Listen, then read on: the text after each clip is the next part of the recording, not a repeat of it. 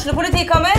Ine Jansen er purk. Er du purk? The motherfucking bitch. Alt jeg vil, er å finne ut hva som skjedde med mannen min. Jon Carew. Er jeg sikta for noe? Iben Akeli. Det er du. Ole So, Lars Berrum og Big Daddy Karsten. Hvem sin side er du på, egentlig? Anette Hoff, Tone Danielsen, Kommer du fra Afrika? Jørnis Josef, Nesten. Kløfta. Trond Espen Seim, Det er synd å si det, men det var feil mann som døde. Purk. Premiere tirsdag på TV2 Play. Yes. Nå skal vi snakke om det å virkelig gå fra å ha dårlig utgangspunkt til å toppe lister. Altså toppe en norsk liste på å ha Norges største hudklinikk. Og dama bak det, det er jo Henrette Røsberg. Altså skrapkaka, er det det man kaller det? Ja, det er det man kaller det. Hun blir nemlig omtalt som skrapkaka i, i OA. Og, og det, det, det skal vi gå litt inn på, for at uh, det har aldri vært gitt at uh, Henriette, at du skal få til så mye, for at uh, du har bare hatt én begrensning etter en annen, og har i tillegg eh, et familieliv med fem barn i huset, hvor alle er Altså, det er ingen tenåring. Det er tenåringer. Det er mellom åtte og tolv år.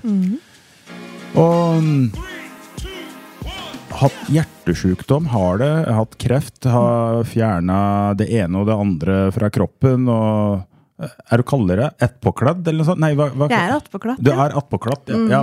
Også, men den skrapkaka, er, eh, det var nytt for meg. Du skjønner, jeg, jeg, kan veldig bra norsk eh, Ja. til et visst nivå, men skrapkaka det er nytt for meg. ja, men det er et viktig ord å kunne. Det er det? Ja. Og, men, men jeg tillater meg å si det, for at eh, du, du nevnte det sjøl, og det sto i Oppland Arbeiderblad. Det står i OA et sted at jeg er skrapkake. Stemmer det? Så det er skrapkake. Men den eh, Og så sa du at du er sånn reste... Restefest? Restefest, ja. ja. Så da, da tror jeg vi kanskje bør starte med å høre litt om eh, nettopp det, da. Altså, det jeg kan si nå, altså, du- du er eh, eh, gründer bak en vellykket bedrift eh, med flere hudklinikker i Norge. Og en eh, nettbutikk som skyter eh, ufattelig med fart, og omsetningstilvekst eh, som mange kan bare drømme om. Så det er jo ordentlig moro. Eh, og, og dere har ikke holdt på så veldig lenge. Altså Vi snakker om fem og et halvt år, ikke sant, eh, Henriette? Og du er jente fra Hamar, Stemmer. men er bosatt på Raufoss sammen med en flott kar som heter Sondre. Stemmer. Ja. Ja. Og han vet jeg er ordentlig dyktig. Jeg har jo hatt gleden av å treffe han, og dekk to er jo litt sånn ment for hverandre og, og, og jobber såpass godt sammen at det er det som er med og skaper magien eh, i mange sammenhenger. Men Henriette, du er jo sykepleier, og du er utdanna sykepleier, og du har også tatt en utdanning innenfor ledelse. Og rukket å få unger og rukket å bli innlagt på sykehus osv. Hvor starta det, dette her, egentlig? Nei, det starta jo da på, på Lanzarote. Å ja? Ok. Nei, Jo. eh, nei men det, det starta jo Jeg ble utdanna som sykepleier. Men beklager å stoppe der. For eh, før vi begynte, så snakka vi om Lanzarote. Vi snakka om Ja. Lanzarote. Ja, vi snakka om at eh, moren din og faren din hadde det veldig gøy på en restaurant. Ja. Nei, vi går ikke inn på det. Men, eh, Nei, men, eh, men eh, jeg kom fra en familie, en veldig fin familie. Mamma, pappa og mine to søsken. Mm. Eh, De fire hadde det fint i mange år. Mine søsken maste veldig om å få en lillesøster eller lillebror. Mm. Det tenkte man pappa det, de hadde mer enn nok med de to de hadde. ja. Eh, Men så var det vel en hyggelig ferietur på Lanzarote, da. Ja. Eh, Så, så kom jeg litt lite planlagt, Mm. rett og slett. ja.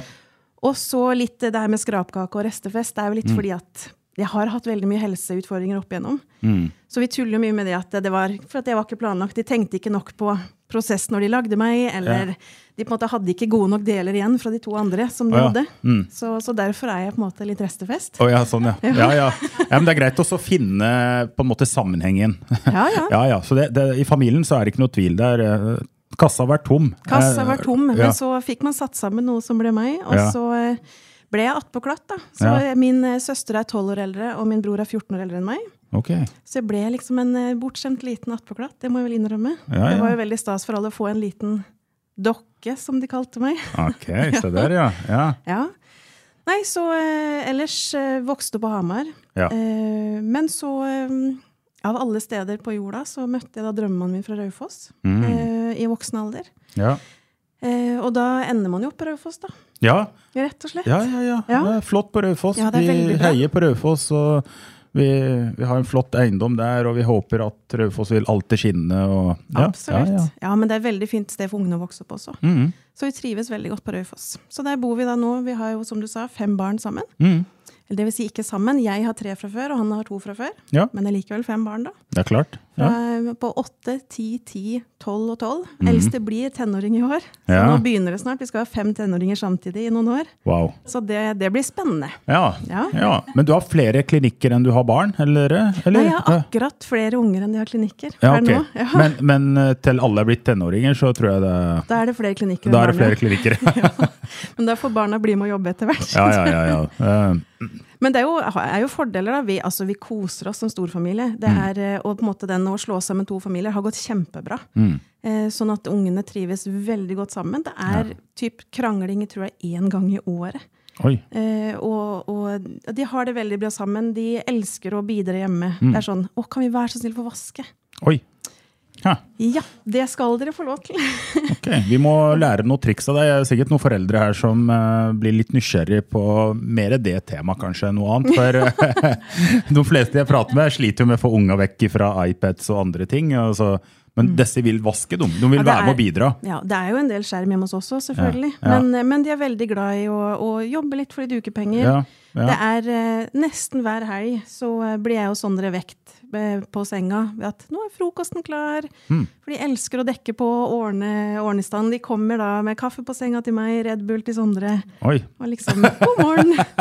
så vi, vi nyter den tida som er nå. Ja, Klart det har vært hektisk før, men det er på en måte det er en herlig gjeng unger. Altså. Ja, Det er bare å nyte det, for jeg har liksom skjønt at dette med unger altså, I en viss alder så er vi foreldrene, vi er heltene, ikke sant. Ja. Og så begynner du å få litt andre helter etter hvert, da, og, og interesser og Mm. sånn. Men, eh, men Altså, vi, vi begynner å bli litt cringe innimellom. ja, Det er litt kleint. ja, Så vi merker det på to eldste. Der blir det litt, litt mer eh, tenåringsfakter. ja, Så, ja, eh, ja, så vi stålsetter oss. veldig bra.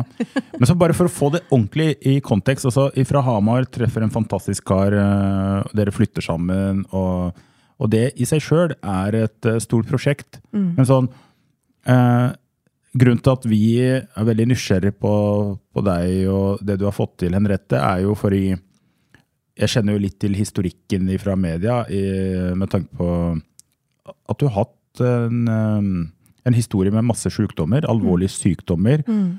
Og, og da er det veldig lett å tenke at uh, ja, men det i seg sjøl, altså det er, eh, det er det er mer enn en heltidsjobb og så bare bearbeide de ulike sykdommene og helsevesenet og det som skal til.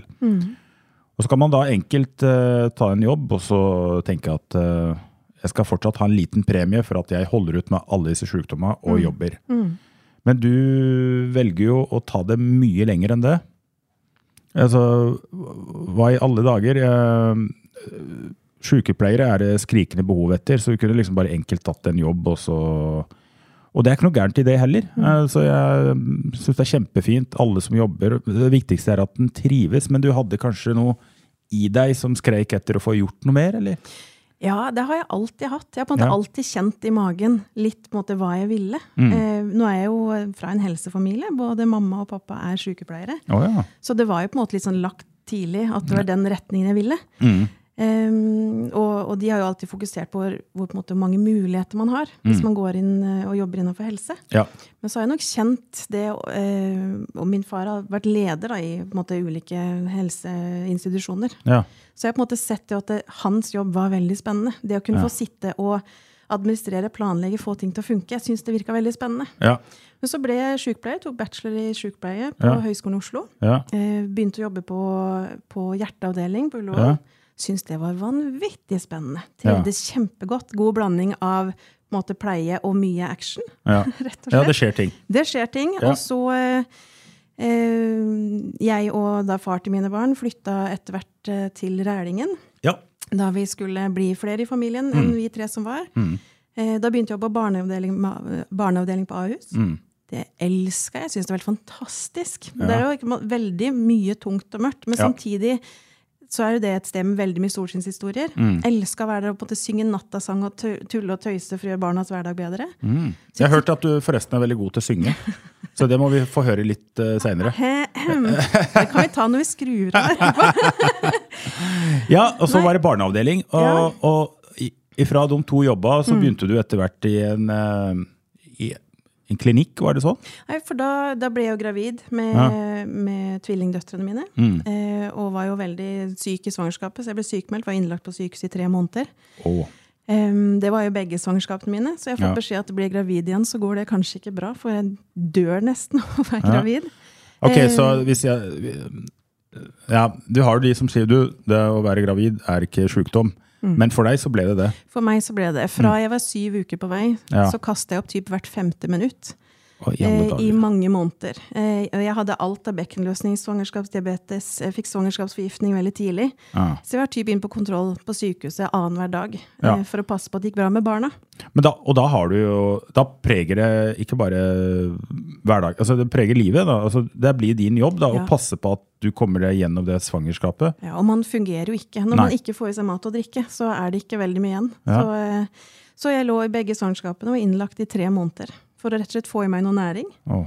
Eh, Og så sier man jo alltid eh, på en måte, ja, men etter tre måneder, da går det bedre. Ja, ikke sant. Og jeg satt og gleda meg, for at det var fryktelig å være så kvalm hele tida og kaste opp hele tida. Så det ble 12 uker på vei, og 15 uker, og folk sier ja, men ok, når du da kommer til 20, da gir det seg for Ja. de fleste. Mm. Kommer til 20 og 22 og 24, og det bare ble jo ikke noe bedre. så da var det rett og slett bare å fokus på å holdt på å si, få lagd Ja. disse barna og fått nok næring til at de kunne vokse og ha det bra. Ja. Det var runde én, men så ble det sånn i runde to. Og så du tok sjansen på å, å bli gravid igjen? Ja, Ja. gjorde det. Og Var det noe prematur eh, her, eller? Ja, tvillinger er jo veldig ofte premature. Men de kom bare eh, fire uker før tida. Ja. Men eh, kjempe, alt har gått kjempebra. Og på en måte, jeg, hadde, jeg hadde jo gjort det igjen hvis jeg hadde kunne Ja. velge. ja. Ikke tvil om det. Nei? Men da når jeg da gikk hjemme, for eldste min han hadde akkurat blitt to når jeg fikk tvillingene. Ja. Eh, og så gikk det et par måneder, så fikk jeg en telefon Ja. eh, fra en som drev et fastlegekontor i Oslo. Som sa at jeg, jeg drømmer om å bygge en stor helseklinikk. ja. Eh, og jeg har lyst til å ha med deg som klinikksjef. Er du interessert? Og da sitter jeg der og ammer og har denne toåringen og på en måte litt sånn kaos eh, rundt det som er. Eh, men så tenkte jeg at det, jeg syntes det var veldig spennende. Mm. Så kjente jeg at det, det tente jo et eller annet inni meg òg. Ja. Selv om timingen ikke var helt eh, optimal. Mm. Men så gikk jeg med på et møte hvor vi, hvor vi til slutt ble enige om at eh, så fort jeg var ferdig med, med mammaperm, Mhm. så skulle jeg komme inn og begynne måte jobben som klinikksjef. ja. Da var det et fastlegekontor med fem fastleger og Ja. helsesekretærer. Mm. Så vi på en måte skulle prøve å bygge da til noe større. Så artig, da. Ja. Altså, ref dette du sier med timing. Um, jeg synes det er utro... Altså, du, du har vært gjennom den altså, graviditeten med masse sykdommer og vanskeligheter, og så kommer en telefon. Den der timingen, vet du, jeg, jeg sliter med at det er så mange jeg møter på, og, og meg inkludert, helt sikkert. Vi er bare mennesker. Men vi må passe oss for at uh, timing, liksom. Altså, timing er viktig, hvis vi får det til. Men det hender at uh, de beste tinga kommer litt sånn uh, når det er litt dårlig timing. Og da er det viktig også å kjenne etter om eh, Om du virkelig har lyst, da. Ja. Så, så kan du være med å tweake på den timingen. Mm. Kan man få løst. Ja, Skyve litt på det til man vet at det, til det er bedre plass. ja. Og så begynte du der, og Ja. Og da jobba jeg der i en del år. Ja. Det opp. Eh, måte, det ble jo ganske stort etter hvert. Ja. Ganske mange ansatte. Og satt jo da med ansvar for måte, alle leger og spesialister og helsesekretærer og Ja. det er ikke bare bare, for det er jo folk med mye kompetanse og har sterke Ja. meninger. Absolutt. Ja. Og så var det jo bare da møter med håper store, staute menn med pondus. Ja. Eh, og så var det meg på 26 år. på en Ja. måte. Så det var jo også veldig spesielt. Ja. Så jeg kjente jo da i starten også at jeg trenger å ha litt pondus, da, i hvert Mm. Så, så det fant ut at jeg må studere ledelse Ja. for å, for å ha litt, litt mer kjøtt på beinet. For jeg Ja. var jo bare meg. Jeg var jo bare sykepleier. Men da hadde du da eh, en krevende jobb, Mm. eh, små unger, Mm. deg sjøl å ta vare på, og så klinka du til med lederutdannelse på toppen. Ja. Jeg har eh, bilder, jeg får jo sånne minner på Facebook. Ja. Da kommer det meg som sitter med sånne øreklokker og leser Ja. til eksamen mens barna løper rundt i stua. Og, Ja, det var en spennende tid. Og det, når man ser tilbake på det, så tenker man at i all verden, åssen åssen klarte man det? Ja, hva, er det som hvor, hvorfor, altså, hvorfor det? Altså, det? Nei, Man har jo på en måte en drivkraft. og Jeg på en måte kjenner jo det at den type jobb, da, det gir meg veldig energi. Ja, ok. Eh, og måte, ungene gir meg veldig energi. Eh, så det jeg på en måte har erfart opp gjennom alltid, er at måte, ting jeg syns er gøy, ting som er givende, ting som jeg på en måte får til når jeg kan få jobbe med det jeg trives med, Ja. Da får jeg mer energi, og da har man egentlig ganske stor arbeidskapasitet. Ja. Jeg stopper litt opp her òg, fordi det, det, det der er jo utrolig viktig. Det går veldig i kjernen på mye av det jeg jobber med. da. Og, og det mentaltrenere jobber med, og alle som vil lykkes. Altså for det handler veldig mye om å utsette en del sånne kortsiktige gleder. Mm. Og prioritere de tinga som kanskje ikke er direkte sånn kjempemorsomt, men sånn litt krevende.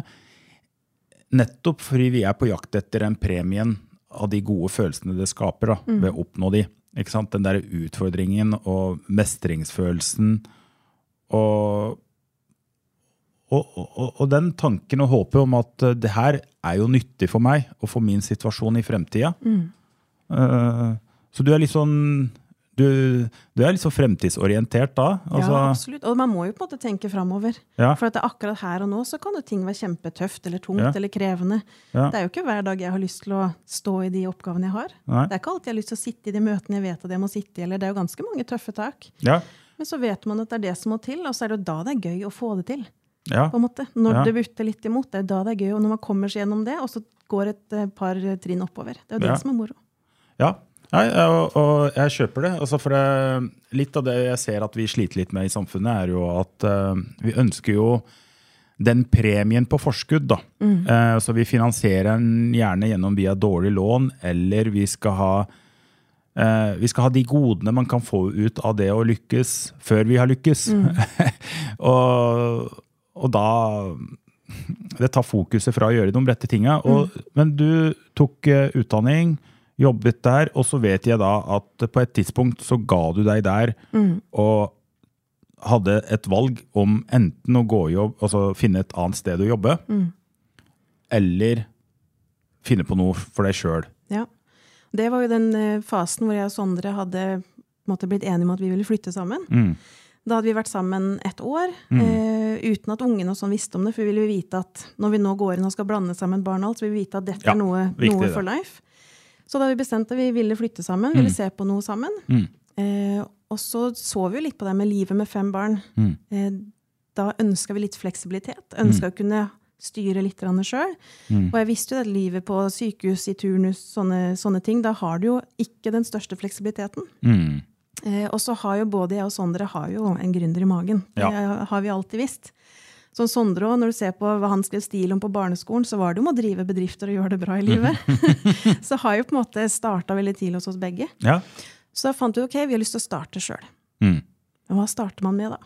Hva, hva skal vi gjøre? Hva, Ja. Hvem er vi, og hva kan vi? Og på en måte hvor, hva, hva, hva skal man gjøre? Mm. Så hadde vi hadde noen lange bilturer. da. Vi kjører veldig mye bil og Ja. snakker sammen i bil. Det er Ja. noe vi har kjørt enormt mange mil rundt på Toten og, sånn for å snakke sammen. ja. Eh, og kom jo fram til at det her med kosmetisk medisin, det her Ja. med hudpleie, det her med å kunne hjelpe folk med hudproblemer Ja. eh, For det kjente jeg litt til, for det var jo en av avdelingene vi drev på den helseklinikken, da, som jeg var klinikksjef for. ja. At det måtte kunne være et For vi så at det var en bransje som var veldig på en måte på vei oppover, som ble mer og mer populær. Mm. Så tenkte vi at det, det, vi, vi prøver det. Prøver det. Ja. ja.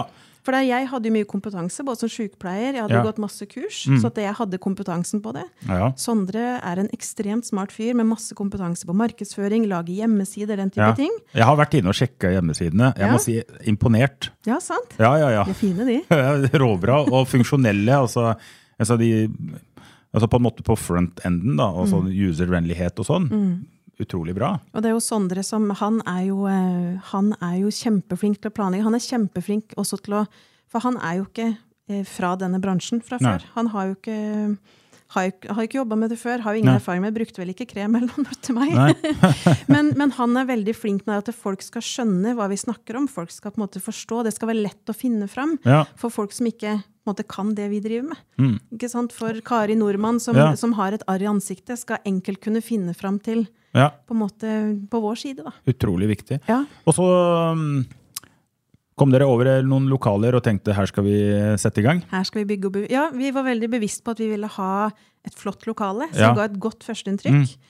Eh, så vi fant et på Frogner i Oslo, Ja, eh, der du kommer inn fem meter under taket, en kjempestor lysekrone. Altså Wow. det, det ser flott ut når du Ja. går inn. Resten av lokalet skal være ærlig, er jo ikke så flott. For Nei. det er ganske gammelt bygg. Det er på en måte første etasje av et, eh, en gammel bygård. ja. Men på en måte når du kommer inn, så fikk du veldig en sånn wow. Som litt sånn majestic. Ja. Ja. litt sånn Frogner på sitt beste. Ja, absolutt. Så, så sjøl om på en måte resten, ja, vi kunne male litt og sånn, men der er det jo vanlig høyde under taket og sånn. Så tenkte vi at det her, det her kjentes riktig. Ja. Eh, Så da satsa vi, og det var en lang prosess òg for å klare å, at vi skulle få lov til å leie det lokalet. Men det klarte vi. Ja. Eh, Og så ble det jo sånn da at eh, overtakelsesdato på det nye lokalet, på vår første klinikk, Ja. det var samme måned som vi overtok huset vårt og skulle flytte inn sammen på Raufoss. Hmm. Så det også er litt av en prosess. Det må Ja. å pusse opp, få i stand, gjøre alt klart til å åpne klinikk i Oslo. Ja. Samtidig som man skal på en måte to hus få solgt, slå sammen, flytte inn i ett, måte Ja. rydde seg sammen som en ny familie. Det, når man ser tilba tilbake på det også, så var det også en, en spennende periode.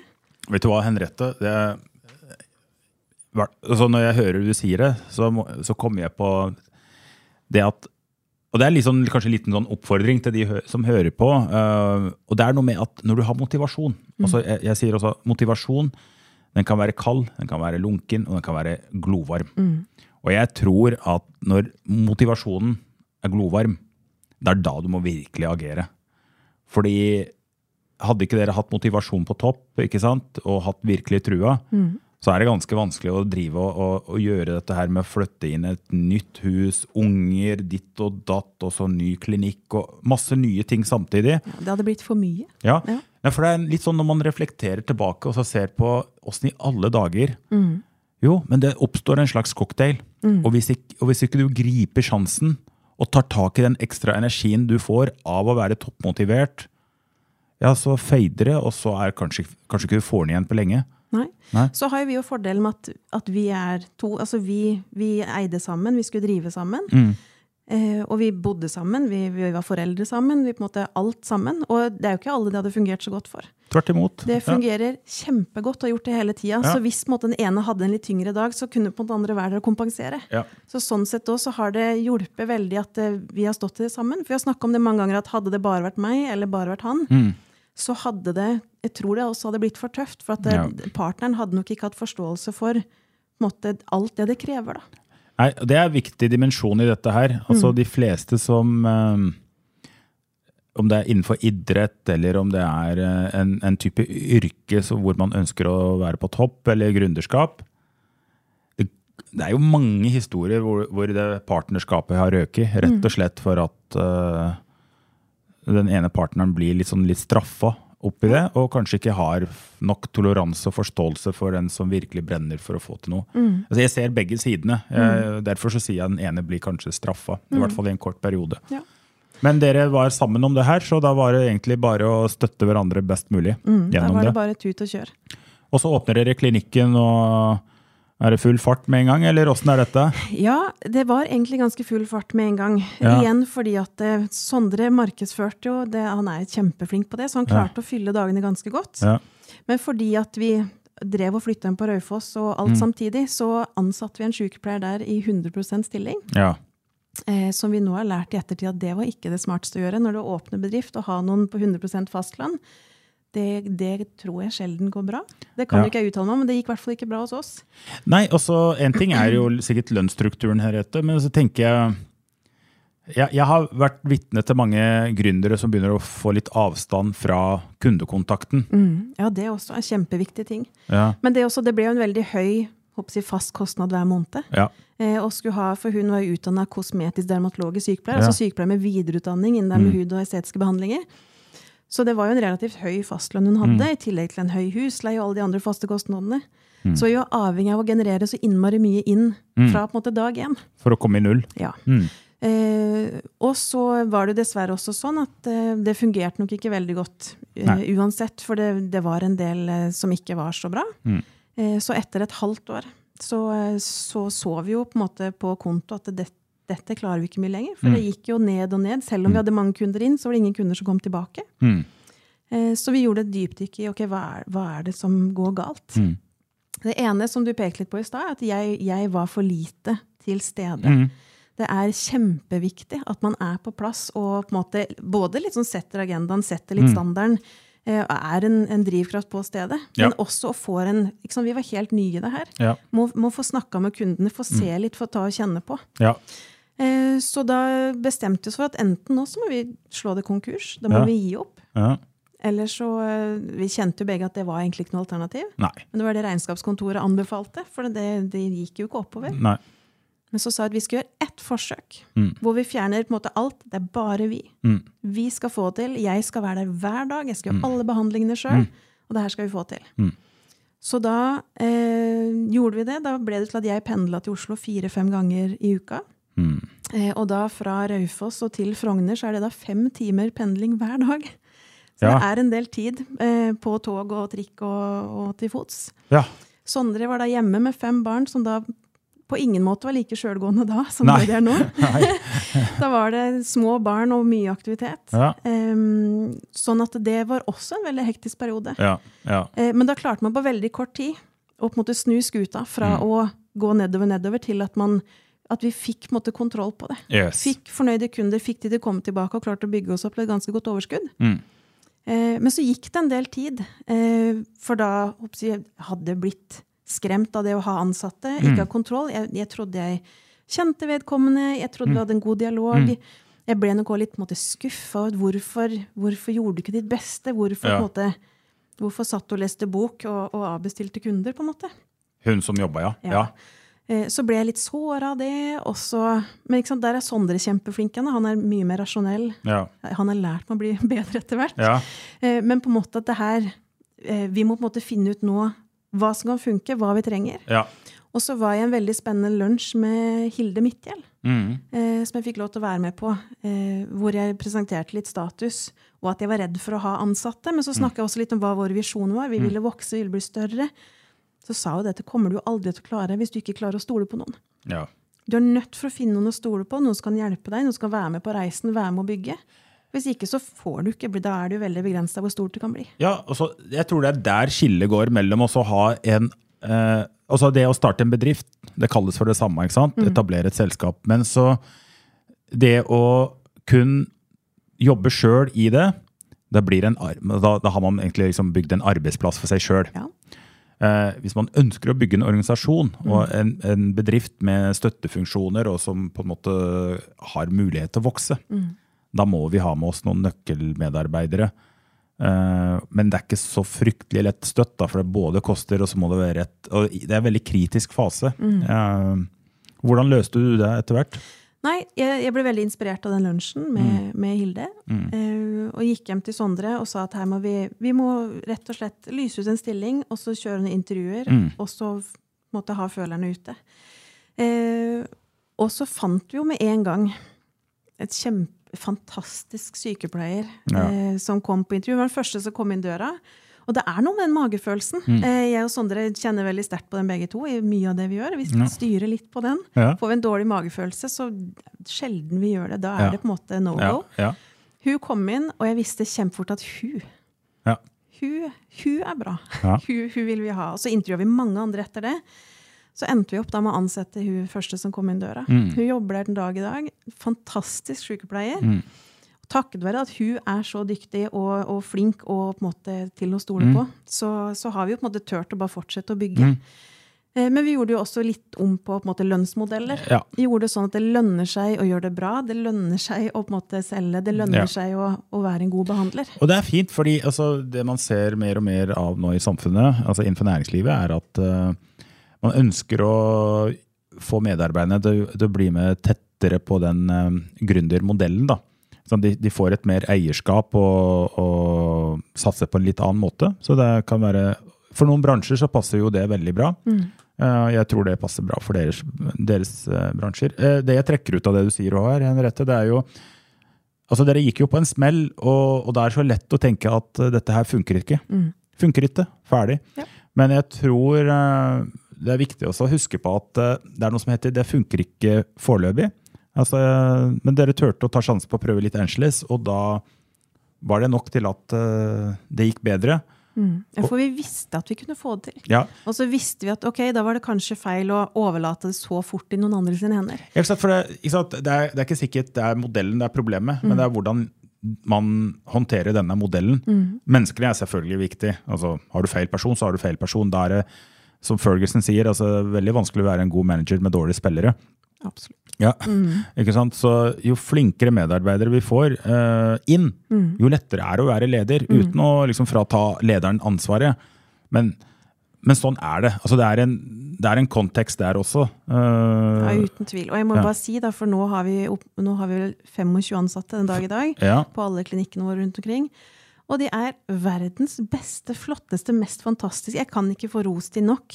Så, så eh, på en måte det at vi turte da den gangen Ja. å starte, få den ballen til å rulle med å tørre å ta i noen, Ja. det er jo selvfølgelig det smarteste jeg har gjort. Og vi har så mange dyktige ansatte. Ja. Og det betyr jo at hvis noen har prøvd å ta- ta den ene telefonen eller det ene møtet, og det funka ikke, og tenker nei, men jeg er ikke laga for dette, eller noe sånt Sier på god norsk, ta den jævla telefonen igjen, da. Ja, Ta et nytt møte, men kanskje vær litt mer forberedt. Spar med noen i forkant. Ikke sant? Det er det det går på. Eh, for eh, det er jo sjelden at man eh, treffer fra første gang. Eh, det vi driver med her, er vanskeligere enn å kjøpe billett riktig og komme seg på toget. Absolutt. Ja, ja. Så ok, også det funker. Og når åpner dere klinikk nummer to Klinikk nummer to det var jo Innlandet utklinikk på Gjøvik. på Gjøvik? Ja. Vi starta først. Eh, det var mange på måte på Raufoss som Ja. tok kontakt med meg og hørte at jeg drev klinikk på Frogner. Ja. Så sa de å, kan dere ikke ha et eller annet rundt her? Ja. Vi, vi har så lyst til at du skal starte noe her. ja. Eh, så fant vi ikke helt riktige lokaler, og så var vi litt usikre på okay, hvordan er markedet på Toten. Mm. Så da gjorde vi om hjemme hos oss rett og slett på garasjen. Lagde et behandlingsrom og et Mm. venterom. Vi har på en måte toetasjes eh, garasje. Så starta vi med at jeg gjorde det Etter jeg hadde vært i Oslo på dagen, Ja. pendle hjem, komme Ja. hjem åtte på kvelden, så var det ut på garasjen og ha kunder der. Eh, og det funka kjempebra. Nei, det er helt utrolig da, for en kapasitet. Og um, da legger jeg bare til at når jeg hører om det med garasjen, så er det viktig poeng det her, fordi i tatt liksom en sånn mer generell kontekst, det er så mange der ute. Uh, jeg tar meg alltid sjøl i det òg. Det er viktig å ikke legge drømmene sine, basere det man kan få til ut ifra hvilke ressurser man har. Det handler ikke om hvilke ressurser og hvor mye ressurser du har, men det er åssen du bruker dem. Mm. Det er jo mange som har garasje. Ja, ja. Ja, ja, men de, de, de bruker det kanskje til å fylle opp det med rot eller en bil. Men du kan også bruke det til å etablere etablere på en måte grunnlaget for en ny avdeling eller for en ny bedrift. Ikke sant? ja, vi brukte det til å ta litt sånn tempen på Toten, rett og slett. Ja. Så, så det gjorde vi et år, Ja. eh, til vi så vi omsatt for en million på garasjen. Det er bra. Da sa vi ok, men da er det, da er det et grunnlag. Jeg har et par garasjer til leie òg. Ja. Ja. Nei, Og så er det Sondre da, som satt og, og lette mm, på Finn etter lokale. Ja. Så fant han jo da nede i Origo-bygget i Strandgata. Ja. Eh, så sa han hit, her burde vi vært. Ja. Så sa jeg er du gæren, veit du hvor, stort og skummelt og dyrt det er jo kjempesentralt. på en måte. ja. Flotte så, lokaler. så reiste hun og så på de. Mm. Eh, møtte da Eirik VM, som Ja. viste oss rundt. Og vi falt jo på das. Det var helt perfekt. Det var jo rålokaler, så det var jo ingenting. Så vi kunne få lov til å prege det, bygge det akkurat som vi ville. Men han er en veldig fin type, han Eirik. Ja, helt fantastisk. Og han har vært kjempefin i prosessen, for Ja. han også er litt opptatt av det skal se veldig bra ut. Ja, han er Så han har vært veldig involvert, Mm. eh, og, og han har vært kjempefin å ha med på laget. Rett og slett. Så Ja, jeg kan bare også si at han snakker veldig varmt om dere. Altså. Jeg, jeg var litt involvert i det dere kom inn, og så hadde litt tett dialog. med Mm. ikke om dette der, men sånn øh, nevnte det. Han var veldig fornøyd, det var ordentlige folk. Og, men dere hadde noen sinnssyke ambisjoner, så han var litt sånn spent, da. eh, hadde trua. Ja. Ja. Ja, men han kommer innom, eh, innom klinikken eh, stadig vekk og slår av en prat. Det er Ja. kjempehyggelig. Vi starta da med på en måte kvarte lokale. Starta med 150 kvadratmeter. Følte oss altfor tøffe. Ikke sant? Vi hadde tre behandlingsrom. Jeg hadde fått med meg én behandler til. Så vi var to behandlere på tre behandlingsrom. Det var helt sinnssykt. ja. Og så hadde vi vært åpent i to måneder, ja. og så ble landet stengt av korona. Stemmer. Mm.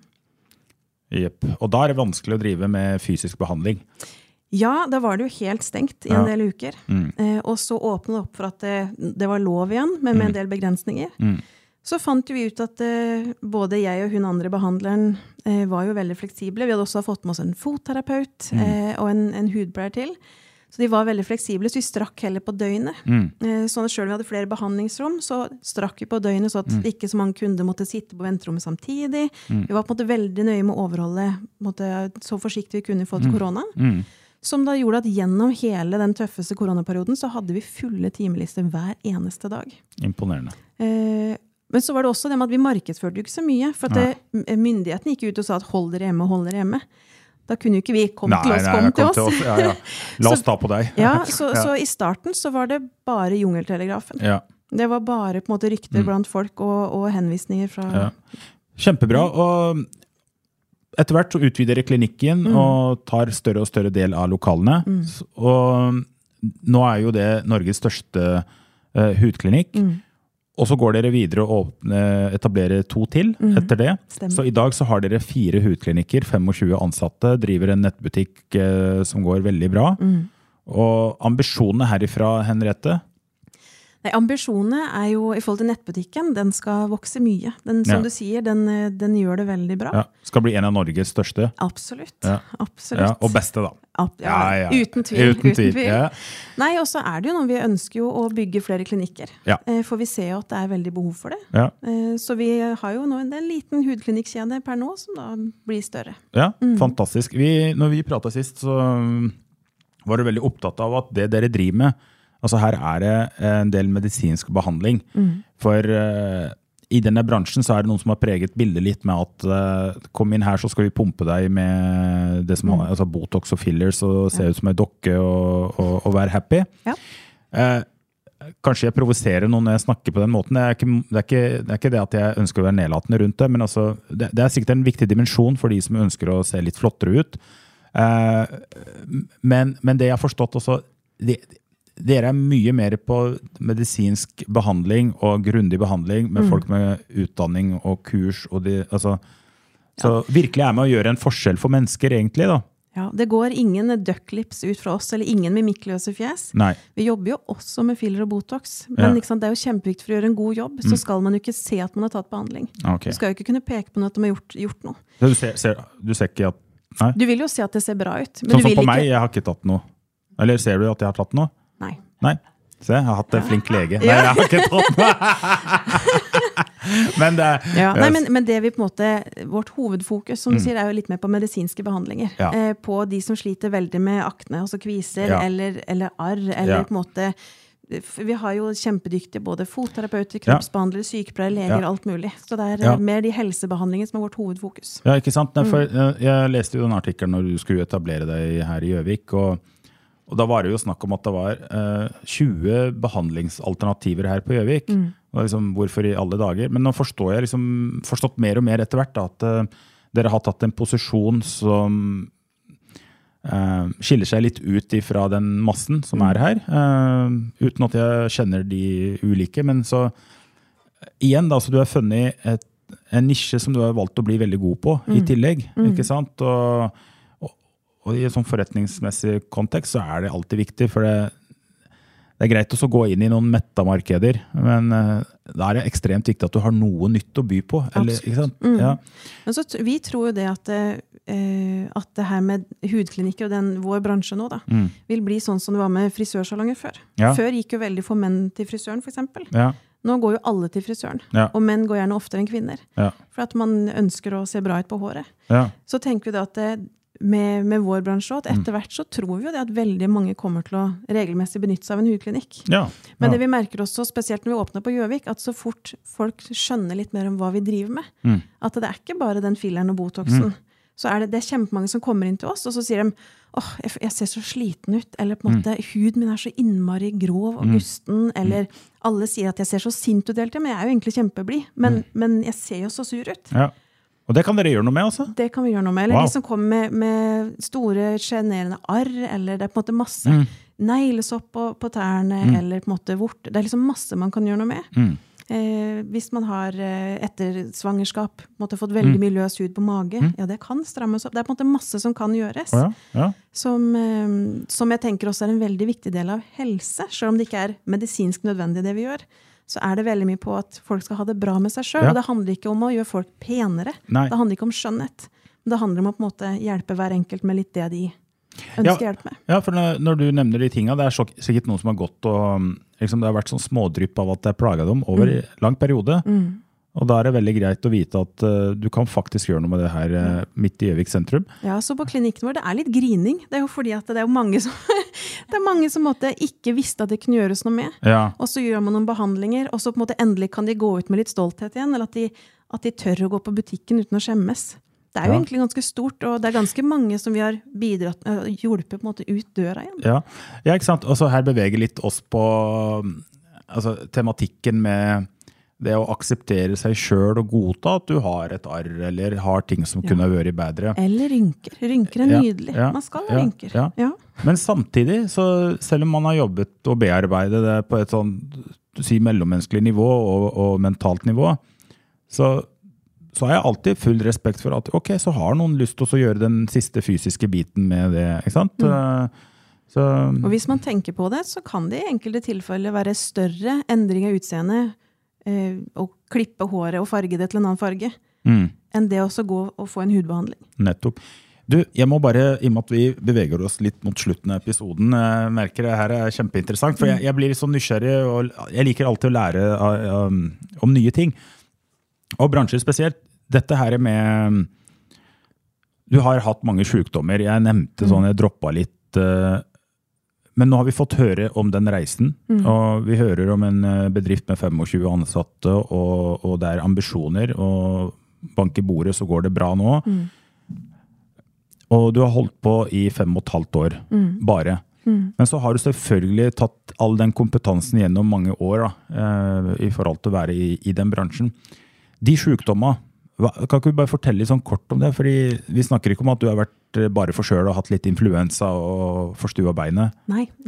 Nei. Nei, jeg har stort sett hele livet enten vært skadd eller sjuk. Ja. Eh, Og ikke igjen forkjøla sjuk. Ja. Jeg har hatt det aller, aller meste. Fra Ja. slag og blodpropper til kreft, til hjernehinnebetennelser, til, til eh, fjerna galleblære, fjerna eggstokk, fjerna blindtarm, fjerna på en måte, fjerna alt som fjernes kan. eh, altså, jeg har hatt det aller, aller meste. Ja. Eh, og nå, måte, det nyeste er at jeg er visst hjertesjuk. Jeg har en rytmeforstyrrelse. Mm. Som jeg vet ikke om du har sett at innimellom så får jeg litt sånn rød eh, Jo, jeg så det. Ja. Jeg trodde det var bare fordi du var stressa i starten. Nei, jeg fins ikke stressa. Nei. Det er eh, hjertet mitt som da skal tulle og danse. Som jeg sier til barna, hjertet mitt som bare danser litt ekstra. Ja, ok, nei, fordi du ble litt rød og, Ja. opp i halsen og sånn. Det er bare for at uh, pulsen eh, raser av gårde. Ah, ok, Ja. sånn. Eh, nei, så det, er, det har på en måte alltid vært noe. Mm. Eh, Jeg har hatt 24 brudd eh, til sammen, ikke samtidig. Så da er jeg på en måte vant med at det er, det er sjelden det står bra til.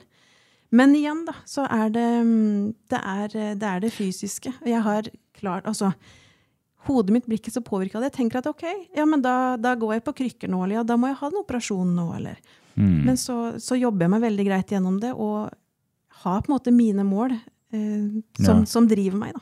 Ja, wow. Fantastisk. For en mental styrke. eh, For det er jo litt sånn at eh, Du har jo litt over 1000 grunner til å ta det skikkelig med ro. Eh, Og jeg tror vi har liksom tre valg da, her i livet. Og det ene er så vi kan bare kjøre på med business as usual. Uh, og på en måte liksom fra et utgangspunkt. Ok, ja, driv med det jeg driver med. Uh, business as usual. Og så kan man uh, si ja, jeg skal stå på litt sånn ekstra. Litt i, litt i ni og ned. Og det er bra. Det gir litt effekt. Og det siste er når man liksom sier nei, full turbo. Ferdig. Um, men det er så kontrast da, i forhold til de sjukdommene du har og har hatt. Da. Og, og som du sa i stad, altså det handler bare om at du har så lyst. Altså, Man har på en måte mange muligheter likevel. Ja, ok, så, så har man hjernehinnebetennelse, da. Ja, så ligger man på sykehus en stund, men, men etter det så måte går man videre. Så når jeg gikk, var 19 år og gikk på videregående, så ble jeg halv, eh, lam i halve kroppen. mm, For at jeg hadde en blodpropp i halsen. Men, men når på en måte det Altså, ja, ja det, jeg får ikke styrt det. Jeg får ikke gjort noe med det. Det. Det får jeg ikke kontrollert. Så jeg må på en måte ta tak i det jeg kan kontrollere. Det jeg kan gjøre noe med. Ja, ok, Så, så brakk jeg. på en måte, Jeg skulle løfte båten på hytta, da knakk jeg håndleddet. Bare sånn, ja ja, da, jeg har jo et håndledd til. Eller jeg skulle hente barna i barnehagen en gang. Eh, og så ble jeg skubba, så hvis jeg ram, ramla Fikk skulderen ut av ledd og brakt skulderen på tre steder. Amen. men, det er veldig mye du kan gjøre da, med tre brudd i skulderen. Det betyr jo ikke nødvendigvis at du må sitte hjemme. Selvfølgelig er det greit da å sitte hjemme og ta litt med ro. mm, Men for meg så har det blitt sånn, ok, ja, men skulderen er der. Ja, jeg tar litt smertestillende, for det er vondt akkurat nå. Men jeg har likevel på en måte lyst til å være der ute og gjøre noe. og Sånn som for meg og Sondre, så er på en måte drivkraften i, i alt vi gjør. Det handler ikke om penger, eller handler ikke om I hvert fall ikke om status. Jeg tror Vi har ikke noe Det er ikke noe veldig mange som egentlig vet hva jeg driver med. Men det handler på en måte om det å få til noe, det å skape noe, få det til å fungere. Det er så innmari gøy, da. jeg er 100 enig, men så er det jo liksom Samtidig, det her Henriette er jo svært, svært imponerende. Så jeg, jeg kjenner at jeg Jeg har jo liksom følt at jeg alltid også har stått på, men jeg må si jeg blir ordentlig inspirert av å snakke med deg. Mm. og så vil jeg bare inn med en liten presisering, fordi det er jo ikke sånn at vi må bare altså Jeg har veldig respekt for de som også samtidig har eh, forstua armen og, eller sånn, og, og velger ikke gjøre noe altså, Ferdig. Ok, Jeg tenker det er fine. Altså på en måte Det du har fått til her, kan man ikke liksom bruke til å angripe andre med å si Men eh, altså, jeg tenker at det vi snakker om nå her, det kan være til inspirasjon for den som virkelig har lyst. Ja, for Også, det er mulig. For det er mulig, ikke sant? Men så er det ikke og- Men det skal ikke være en slags eh, sånn herre eh, hva skal jeg si, eh, slagvåpen å angripe andre med å si at eh, nå får du skjerpe deg, at eh, ja, ja, ja, at du har kreft, du kan fortsatt komme deg på jobb, og du kan Nei. Altså, folk må få lov å bestemme det sjøl, men det som er veldig artig med den samtalen, er at for den som virkelig har lyst, og, og den som kanskje tviler litt på om de har det i seg, så er du et veldig godt levende bevis på at uh, det er ikke én hendelse eller to eller tre, men det er en sånn li- livslang, varig utfordringer du har måttet jobbe med, og likevel fått til noe ekstraordinært. Så det er fullt mulig, men det handler veldig mye om den mentale innstillingen. Og så har du kanskje hatt noen ok mennesker rundt deg, ikke minst en god partner. Absolutt. Så det er òg en oppfordring. altså Det er noe med å omringe seg med ålreite mennesker. Og så finne en ålreit Du fant jo en drømmemann, han Ja. fant en drømmekvinne. Så og da, han, eh, han eh, altså, Men det fins jo flere flotte folk. Ja. Men akkurat den beste, da. Han er min. Ok, ikke sant? Han har tatt uh, ladies, Ja. eh, så uh, Men dere kan få tips fra Henriette. Ja, Du, ja. Henriette, eh, sånn helt i avslutningsvis. Altså, vi går mot sommer. Jeg vet ikke når folk hører på, om det er akkurat nå, Mm. eller om det er Ikke sant? Det ligger der ute. Men hva er ditt absolutte tips foreløpig, eh, etter noen år som gründer, vellykka gründer? Mm. Eh, mitt tips det er å måte, ha, ha et mål, Mm. og så måte, legge en plan og se hva skal, for til, hva skal til for at man skal nå det målet. Mm. Og så bruke måte, kompetanse som er rundt seg. Ikke være så oppsatt på at 'jeg skal klare dette alene', Mm. 'jeg, bare meg, bare mine tanker'. Men å finne noen å spare med, finne noen som på måte, er gode på det du vil bli Mm. god på. Eh, Og så dra nytte av andres erfaringer også. Ja, Mm. utrolig Og hele tida være flink til å putte fingeren i jorda. Eh, Jeg og Sondre gjør det hver eneste dag. Ja. Hvordan funker det her? På Går det som vi vil? Mm. Og gjør det ikke det, da må du gjøre noe annet. Da må du gjøre noe annet. Mm. Og når det virkelig butter imot, så er det veldig naturlig for gründere å tenke jeg vet hva, at jeg gidder. Kan ikke jeg bare ta en jobb, og så får jeg feriepenger? Og så er det noen andre som bryr seg om husleia blir betalt, og om kunden er misfornøyd, eller hva det er. Du har tenkt tanken? Eh, ja, nesten. Nesten? Nesten. Nesten. Eh, jeg har tenkt eh, i forhold til det her med at når man bygger opp bedrift Vi har valgt å oppsitt, vi, vi, har valgt, vi gikk jo første halvannet året gikk vi helt uten lønn. Mm. Og da med hus og biler og fem barn, så er det rimelig trangt. Ja, da tømmer du alle sparepenga. Da, det gjør du. Du da er det tomt, ja. Og vi hadde jo solgt to hus, og på en måte alt overskuddet forsvant da. Ja. Men det var et valg vi gjorde for å kunne bygge bedriftene våre. Ja. Men sånn som da, så har jeg tenkt at ah, skulle man tatt litt lønn sjøl, da heller? Ja, ja, ja. Istedenfor å ansatt én til, skulle man heller tatt det Ja. sjøl. Men så er det noe med at igjen, det er gøy å få til, det er gøy å se at det går i riktig retning. Så vet man at ok, det er framme. Det kommer. Ja. Det kommer en tid. Det kommer en tid. Kommer en tid. Ja, ja, ja. Utrolig spennende, Henriette. Gratulerer masse til deg, Sondre, og de 25 fantastiske medarbeidere. Eh, Jeg gleder meg til å bare følge den reisen deres. Jeg skal jo ta en liten tur ned på klinikken eh, og, Ja. og bli skanna, så det blir morsomt å se om, eh, om, jeg, om huden min duger. Men du, jeg vil bare avslutte med å si at det jeg sitter igjen med her nå, det er at eh, for å oppnå noe stort i livet, eh, så er du helt nødt til å gi opp en del småting. Mm. Og at, eh, som du sa i stad, det er viktig å ha mål. Og da kan vi avslutte med å si folkens der ute, altså uten mål så blir det veldig vanskelig å score. Eh, Så stå på, keep it up. Tusen takk, Henriette.